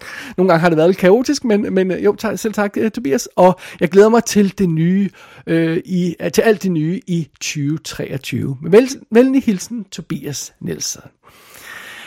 Jamen dog, det var en, øh, det var en ordentlig, ordentlig omgang liste der. Det var, det var, det var en god øh, og interessant liste, Tobias. Og det jeg godt kan lide ved, når Allan og, og Tobias skriver til mig om de her lister, det er jo det her med, at de ikke nødvendigvis holder sig til kun nye øh, film. Så der kommer nogle gamle film med, som jeg måske har overset, eller ikke fået med i skyndingen, eller har nedprioriteret. Så, øh, så det er altid meget rart at få, få øjnene op for dem. Alright, det var... Øh, det var, det, var, det var lytterlisterne for denne her omgang. Det var, det var hvad der var af lytterlister øh, t- øh, sendt ind til i kassen Talks. Øh, man kan jo altid sende lytterlister ud, hvis man ikke, hvis man ikke nåede det til det show, så kan man jo altid sende dem ind lidt senere, hvis man har lyst til det. Bare brug øh, kontaktformularen på websitet, eller skriv til øh, davidbjerg.gmail.com, så vi ses. Ellers så, øh, ellers så er det jo godt at have the usual suspects, så vi har noget lytterliste sjov i showet. Så tusind tak for at sende lister ind, drenge. Det er much appreciated, og øh, med de ord, On with the show. Are you fond of riddles? Why? Am I about to hear one? Three great men sit in a room a king, a priest, and a rich man. Between them stands a common sellsword. Each great man bids the sellsword kill the other two. Who lives, who dies? Depends on the sellsword. Does it? He has neither crown nor gold, nor favor with the gods. He has a sword, the power of life and death. But if it's swordsmen who rule, why do we pretend kings hold all the power? When Ned Stark lost his head, who was truly responsible? Joffrey, the executioner, or something else? I've decided I don't like riddles. Power resides where men believe it resides. It's a trick, a shadow on the wall. And a very small man can cast a very large shadow. Så er der dømt serieguff her. Det er sidste punkt på dagsordenen i dag. Vi skal snakke om nogle af de serier, som jeg har set her i den forgangne tid. Jeg har jo jeg har ikke så meget tid til at snakke om serier i, i sidste øh, øh, for, forrige i kassen talkshow, fordi det var jo, øh, det var jo top-bottom lister, og der var, der var kun det med i det show, så, så derfor har jeg gemt lidt serieværk til, til den her episode. Og øh, som jeg vist nok har nævnt et par gange, så har jeg jo altså siddet og set øh, Game of Thrones i slutningen af 2022, og øh, jeg så altså hele serien igennem, øh, og det, hvis man ikke har styr på det, så er serien på 73 episoder fordelt på de her otte sæsoner. Der er seks sæsoner og 10 episoder, og så er der en sæson af 7 og en sæson af 6. Det giver 73 episoder i det hele.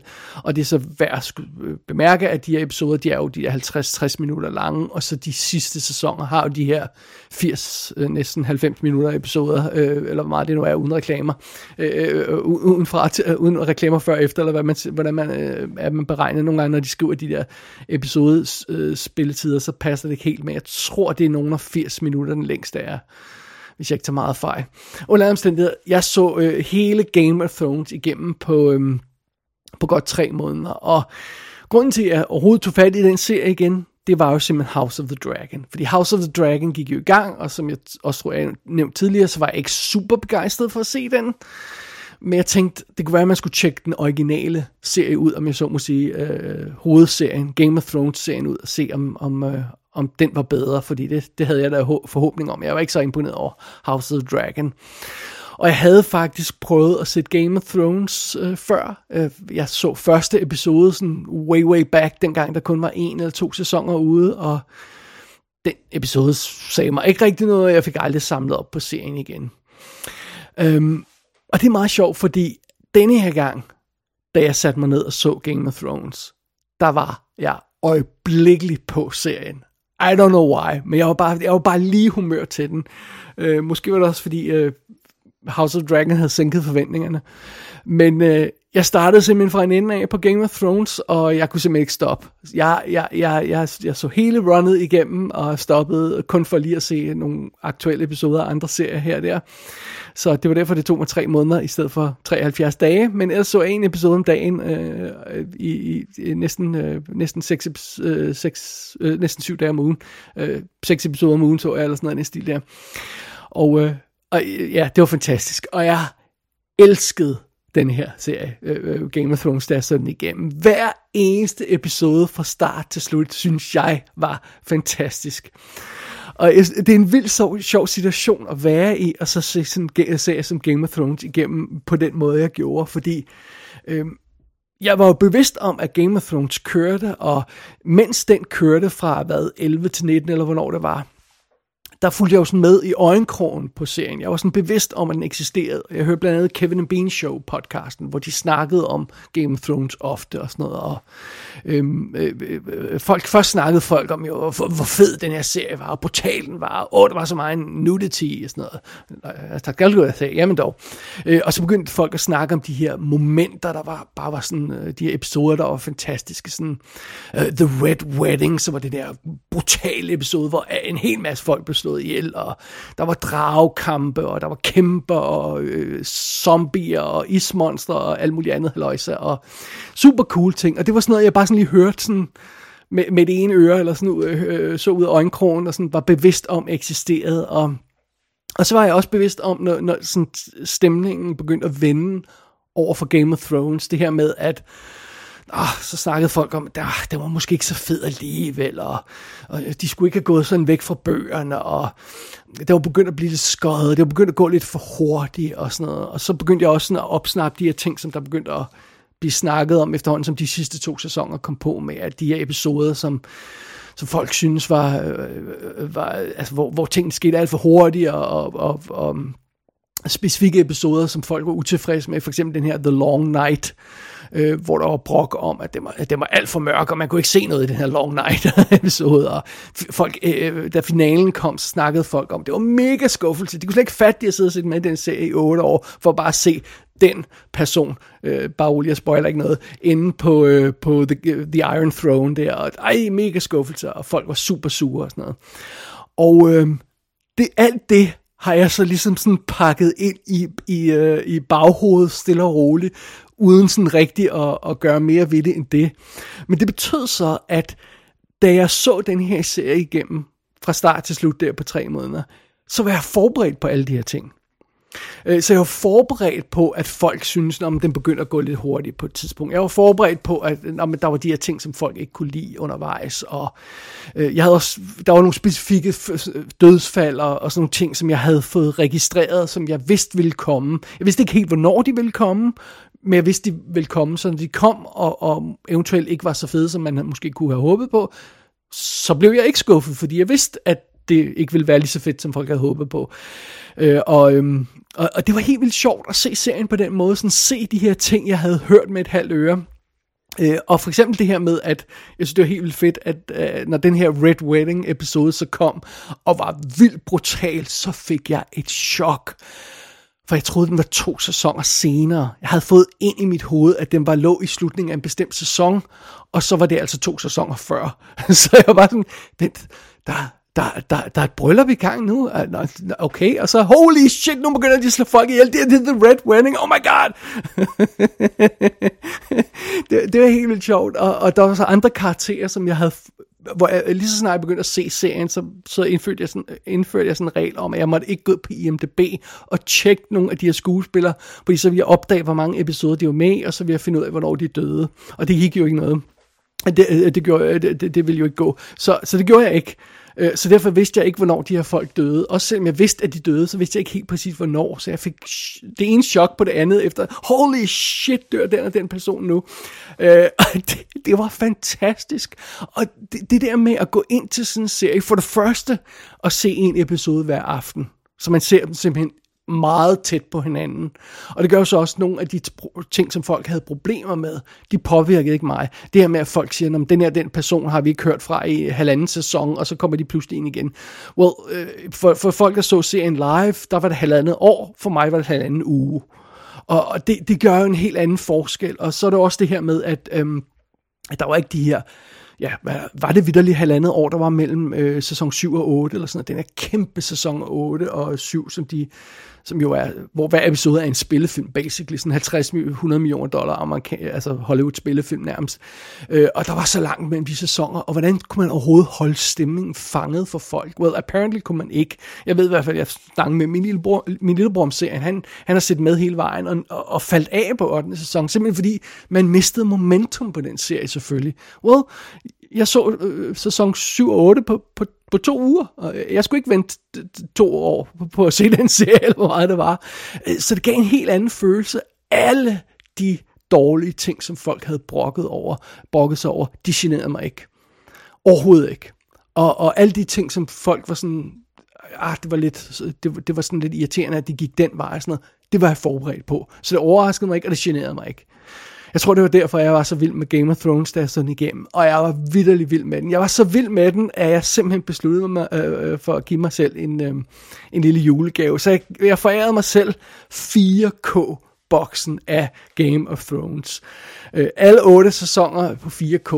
Øh, ganske vist så begyndte de først at skyde dem og sende dem i 4K fra er det fjerde sæson eller femte sæson, det er omkring i hvert fald. Øh, så, så de første sæsoner er opkonverteret til 4K, men det er stadigvæk bedre end at, at, at købe dem på, på Blu-ray og få, få afspilleren til at opdatere, øh, opdatere dem live til 4K, så det, det burde stadig gøre en forskel.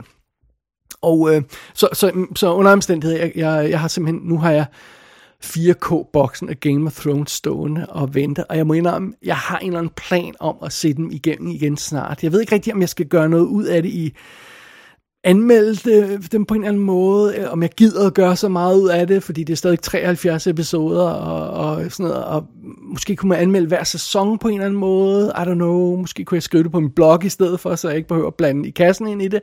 Jeg går og overvejer, hvad jeg skal gøre i hvert fald, men jeg er helt vildt syg for at gå i gang med at gense den her serie, og, øh, og der er jo altså også lavet et omfattende ekstra materiale, som er på de her 4K-boks, og hver episode har har kommentarspor med skuespillere, instruktører og øh, fotografer og alt muligt andet. Halløj, så det ser vildt godt ud. Så, øh, så, øh, så dem skal jeg også kaste mig over næste gang, jeg skal, skal se de her sæsoner. Øh, så skal jeg have alt ekstra materiale med, materialet med, og kommentarsporen skal jeg have hørt løbende. Det glæder jeg mig helt vildt til. Jeg var så fuldstændig på, på, på, på Game of Thrones, og jeg ved godt, jeg hopper på den serie tre år efter alle andre er totalt over and done med den serie. Men det var også det, var det fede ved det. Det var en vildt, vildt god oplevelse at se, øh, se serien igennem på den måde. Så øhm, jeg, øh, som jeg drillede med, øh, min, jeg tror min lillebror, jeg drillede med og sagde, jeg tror jeg hopper på den her Friends snart, som alle snakker om. uh, well, I, well, den har jeg selvfølgelig set, men, uh, men, men nej, det er meget sjovt det der med at se øh, en serie på den her måde. For det første så kompakt, og for det andet, efter al hypen er døden, død ned og forsvundet, og den sådan er glidet lidt ud af, af pop culture, det, det, det synes jeg er altså meget cool. Og så er det også meget sjovt, at når man så sidder og ser andre ting nu, så kan jeg nu genkende stort set alle de her skuespillere fra den britiske serie fra Game of Thrones, fordi de alle sammen dukker op i den. Men øh, ja, jeg ved ikke, det der projekt Re, uh, Revisit uh, Game of Thrones, det, det, uh, det skal jeg lige vurdere, uh, hvornår jeg kaster mig over her. Uh, der er jo Oscar og alt muligt andet haløjse inden, men uh, på et eller andet tidspunkt, så, så gør jeg det nok. Nu har jeg i hvert fald den awesome 4K-box stående på hylden. Jamen, det er så cool. Alrighty. Men Game of Thrones er ikke den eneste serie, jeg har fået set igennem på det sidste. Jeg har også nået andre ting.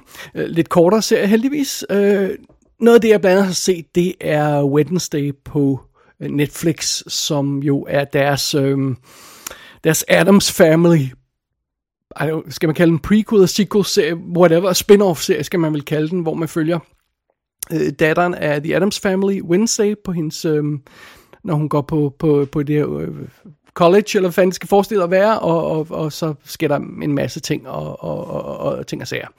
Og øh, for det første, så har den serie jo været en kæmpe succes for Netflix. Meget imponerende. Og det synes jeg er vildt cool, og derfor tænker jeg, at jeg skulle lige tjekke den ud. Og for det andet, så har min ven, fotografen Stefan Persson jo skudt halvdelen af episoden. Det kommer jeg tilbage til i et øjeblik.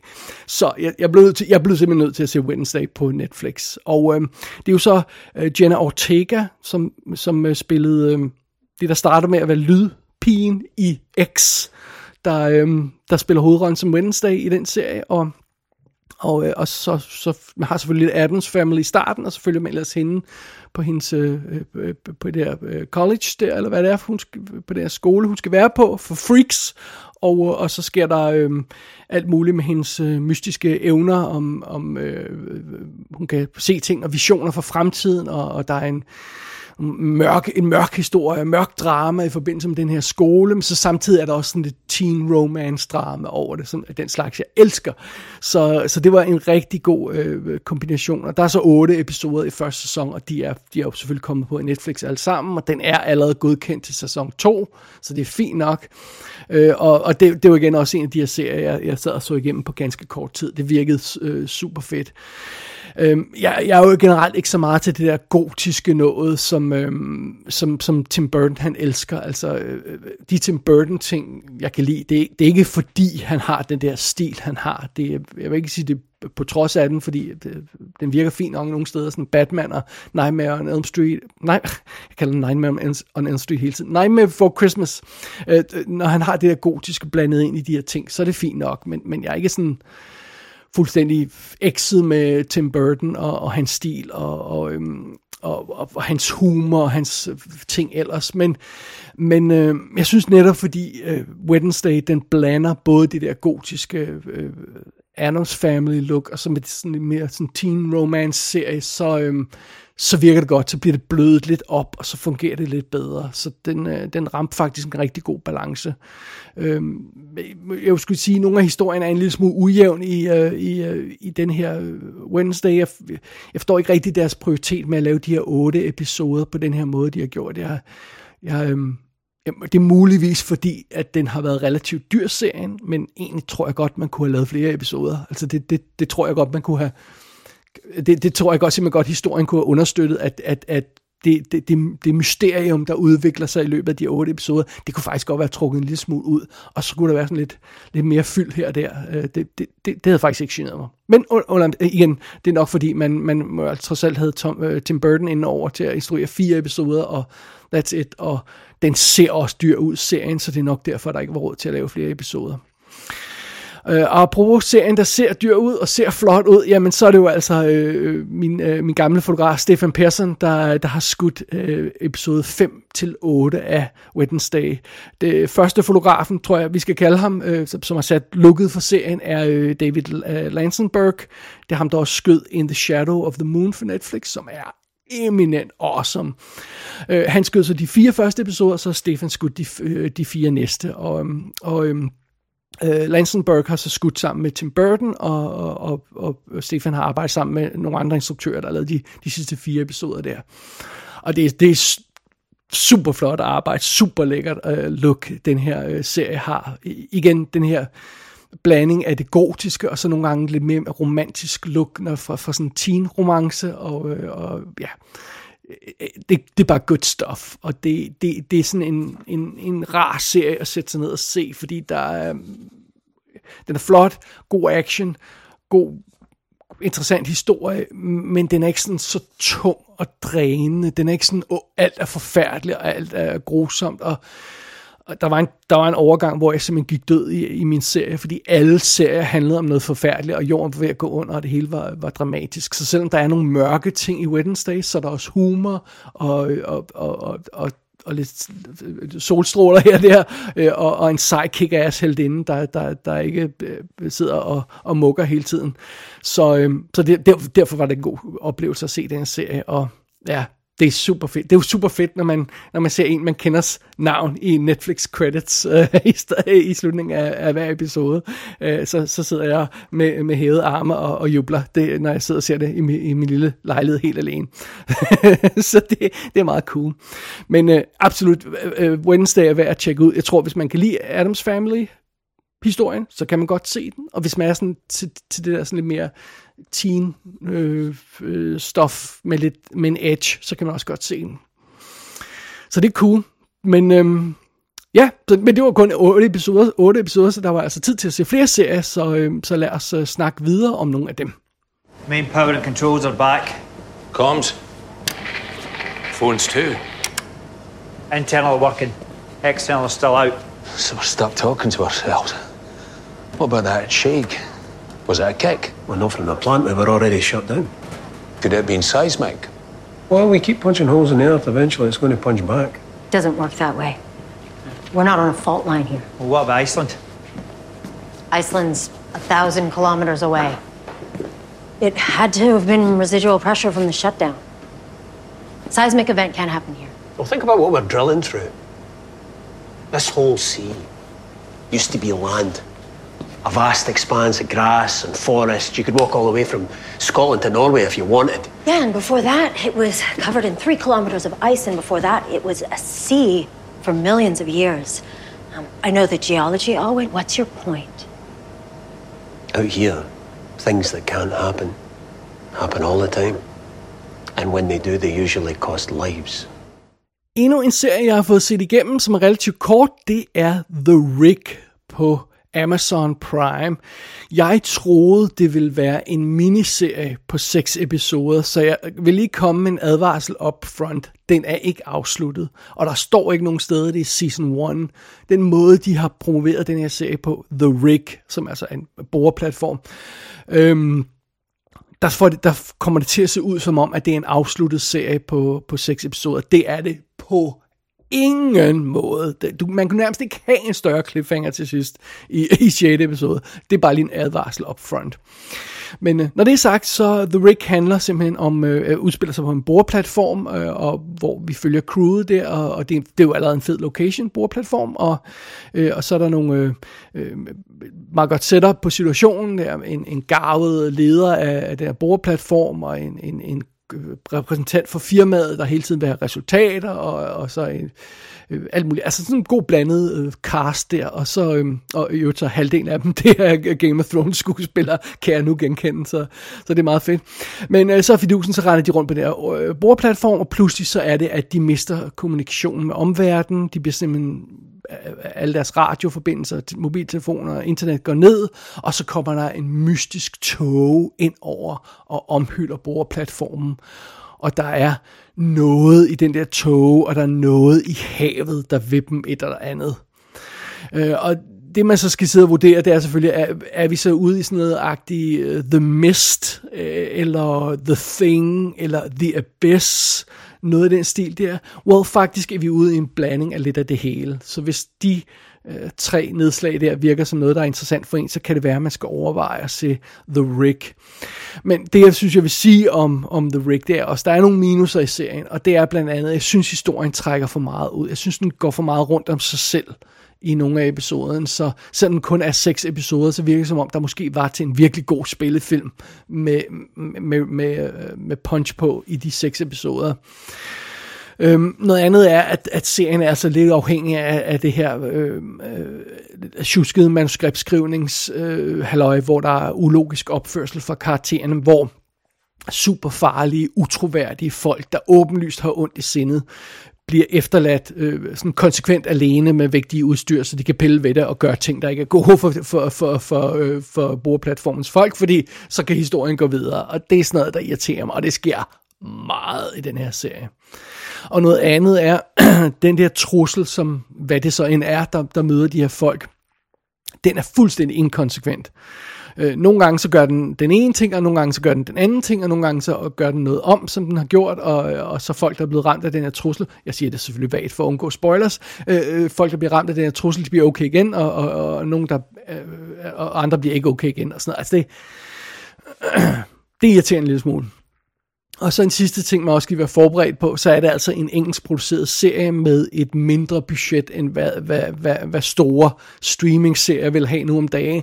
Og, og ellers virker det som om i hvert fald, og jeg tror det er derfor budget, øh, budgettet til effekterne simpelthen ikke har været helt op i, i toppen, så, så det er ikke altid effekterne er lige flotte i The Rig. Øhm, jeg synes sådan nogle serier, som jeg har snakket om tidligere, hvis jeg ikke husker meget galt, The Head og Vigil, øh, ubådsserien, de, havde, de, de, de var meget mere heldige med de her korte, lukkede historier på seks episoder. Øh, der er The Rick altså ikke lige så interessant. Men netop fordi den har de der elementer og sådan noget som The Mist, The Thing, The Abyss, sådan, noget, sådan, sådan nogle der, øh, ting der. Øhm, jamen, så er det værd at tjekke den ud alligevel, bare lige med de her forbehold. Øh, så ja, og igen, seks episoder, det, er jo, det er jo til at tage og føle på. Det, det kan man lige nå at komme igennem. Alrighty, og derudover så synes jeg også, at jeg vil have med, at jeg nåede at se Willow tv-serien færdig. Og sidst jeg snakkede om den, havde jeg vist set fire episoder, og der kom jo så otte i alt, og den er færdig nu. Og og øh, jeg er, var ikke begejstret for Willow tv-serien, den er på Disney Plus jo. Jeg var ikke begejstret for serien efter de første fire episoder, og nu har jeg set alle otte episoder, og det samlede indtryk er absolut ikke blevet forbedret. Alle de problemer, som jeg nævnte i der omtalte serien først, de fortsætter. Øhm, øh, episoderne træder hele tiden vande, og der er nogen, hvor der simpelthen ikke sker en skid, og øh, hele historien burde handle om den her dramatiske rejse og redningsmission, og, øh, og, og så går serien hele tiden i stå, og det føles ikke som om, der, er- der er nogen sådan dramatisk øh, tidshorisont på noget af det her. Øhm, men det værste af det hele i, i Willow tv-serien, det er næsten øh, finalen. Den er decideret elendig. Altså, uden at afsløre for meget om, hvad der sker, så er det jo det her med, at, at vi har sådan, det, det handler jo om magi og trolddom og sådan noget, så vi har sådan den her skurk, der skal forsøge at snyde vores, øh, vores helte ved at tilbyde den sådan en, en deal med djævlen, om, om de kan få den perfekte liv, og, og viser dem noget, der er falsk, øh, Øh, en, et liv, de kan have, øh, og sådan noget, og, og så, så skal øh, de her karakterer modstå den fristelse og sådan noget, og man sidder bare der hele den der episode og siger, det er jo åbenlyst falsk det her, det er jo åbenlyst en deal med djævlen, I er ved at lave, og øh, altså, øh, med sådan åbenlyst falske drømmesekvenser, og hvor man bare sidder og siger, kom, det er jo ikke nogen, der vil hoppe på. Altså, øh, altså man skal jo være idiot for at hoppe på det. Men alle karaktererne sidder der og, åh, åh, måske skal vi sige ja til det her, det ser så fint ud, åh, åh. Fucking hell. Og så det der dialog, der er i forbindelse med de her falske drømmesekvenser, som skurken forsøger at snyde, snyde vores helte med. Dialogen, der er i forbindelse med de sekvenser, er så fucking langtrukken, at jeg simpelthen bliver nødt til at sidde og spole i det. Øh, og og, og, og det, det kan jo simpelthen ikke være meningen. Og, og, og det, det, det, det er virkelig, virkelig en svag finale på en serie, der allerede ikke er særlig god. Willow-serien, så det var altså en stor skuffelse. Og så igennem hele serien, så har vi jo set det her med, når, når, når, titlen kommer på, så har vi set sådan en bog, der bliver åbnet, og så står der Willow i den, og så bliver bladret i bogen og sådan noget. Og i slutningen af den her øh, sæson, så bliver bogen lukket, og så bliver den sat op på en hylde, og så står der fanden fuck med volume 1 på ryggen af den her bog, og ved siden af, så står der en volume 2 og en 3. Ah, hell no! Hvis Willow-serien fortsætter, så skal I fanden godt godt nok tage jer sammen, hvis jeg skal se med på volume 2 og 3. Er der sunshine? Øh, det, øh, det, det, det, det, det frygter jeg altså. Jeg vil lige vil sige, jeg håber ikke, de laver mere. Og, og bare bliver ved den der volume 1, fordi første sæson af Willow var ikke god. Jeg ville meget, meget hellere have, lavet, øh, have have haft, hvis de havde lavet en film nummer 2. Det havde været så meget federe. Men, well, so be it. Så det, øh, og igen, det var Disney Plus-serien ligger på, så, så der er hele serien oppe nu. Hvis man synes, man vil udfordre skæbnen, så skal man vide, at når man ser første episode, så bliver det kun værre derfra. Så det. Det var simpelthen et lille roundup af, hvad jeg havde set af serier her i den seneste tid. Så øhm, det betyder sådan set, at vi er færdige med dagens program. Lad os øh, lige hurtigt rappe op og øh, kigge mod fremtiden. Oh, you gotta be kidding me! Your beautiful hair! This is not a daughter's haircut! I'm not a daughter, I'm a grandson. Your family had a perfectly fine religion. You were raised Jewish. Dad, tell me anything specific about being Jewish. There's a million things. You go to the temple with the the, the special hat, the, the, the falafel fluten. Oh, the falafel fluten? Our Jewish words are gibberish because we're a 14 year old boy who was raised non denominational Christian and we're in a video game. I don't need to hear this, Schmortenhaven. Let me ask you this, little Miss Grandson, little Miss Video Game Character. If you're not my daughter, why stand in my house spouting this Shakafka? Why even live here? Good question. There she goes, my daughter. One five billionth of a kid trapped in a video game. Yeah, that and a college degree will pay the rent. Det var ordene for den her gang i Kassen Talks. Øh, jeg vil lige starte med endnu en gang at sige tak til de herrer Allan Loftager og Tobias Nielsen, der øh, har sendt deres øh, top-bottom lister ind. Altså det er jo, det er jo bare fuldstændig gratis materiale, hvad jeg vil sige, de leverer til showet her. Altså en, lille time snak, eller hvor meget det endte med at blive, hvor jeg ikke skal gøre noget arbejde andet, bare sidde og læse de der lister op. Det, er- det er fantastisk, fantastisk at spare mig for noget arbejde. Så, så det, det er super fedt, og jeg, og jeg synes, det er meget sjovt at læse de lister igennem øh, øh, hvert år. Og jeg har altså ikke fået andre lytterlister, men igen, hvis de kommer senere, så skal jeg nok tage dem. Så sådan er det. Som sagt, næste i kassen talkshow bliver så i, i forbindelse med Oscar-nomineringerne den 24. i første, tirsdag den 24. i første, og jeg plejer at gøre det her med, at jeg øh, går i studiet relativt kort tid efter, og efter nomineringerne bliver offentliggjort der ved, ved øh, 14.30-tiden dansk tid, og så optager jeg et show med de første reaktioner på alle nomineringer, nomineringerne, og øh, det håber jeg også at kunne, øh, at kunne gøre den her gang, og, og få det online der i løbet af aftenen. Så det er i hvert fald planen, og øh, det bliver spændende at se, om der skal være danske film Oscar nomineret igen. Om øh, der, der er jo chance for noget dokumentar, for noget øh, international film og for noget, øh, hvad var det, kortfilm og sådan noget. Så det får vi se på tirsdag. Og øh, så bliver det også spændende at se, om Tom Cruise han får sin fjerde Oscar-nominering. Og han har jo faktisk mere end en chance for at få det, fordi han er jo ikke bare i, i play til en bedste mandlig hovedrolle øh, Oscar-nominering. Han er jo rent faktisk også producer på Top Gun, så hvis han er en af de producer, der er listet under filmen til at blive, og den bliver nomineret til bedste film, så får Tom Cruise sin fjerde Oscar-nominering. Meget spændende. Det, øh, det, det kunne jeg lidt godt tænke mig. Men øh, det ved vi alt sammen mere om på tirsdag, så indtil da lad os øh, trække vejret og, og, og, og, og, og vente i spænding på, hvad der sker i Oscar-ræset. Alright, som altid gå ind på ikassenshow.dk for at tjekke show notes til den her udgave af I Kassen Talks og øh, liste over lydklip og alt muligt andet. Halløjsa er der jo også at finde derinde. Og som altid så husk der er en kontaktformular ind på det website, så man kan sende mig en hurtig lille besked med ris, ros og forslag, hvis man har lyst til det. Det var det hele for den her gang. Mit navn er David Bjerre. Du har lyttet til I Kassen Talks, og jeg har kun én ting tilbage at sige. Your lives are like bananas. They come in big yellow bunches.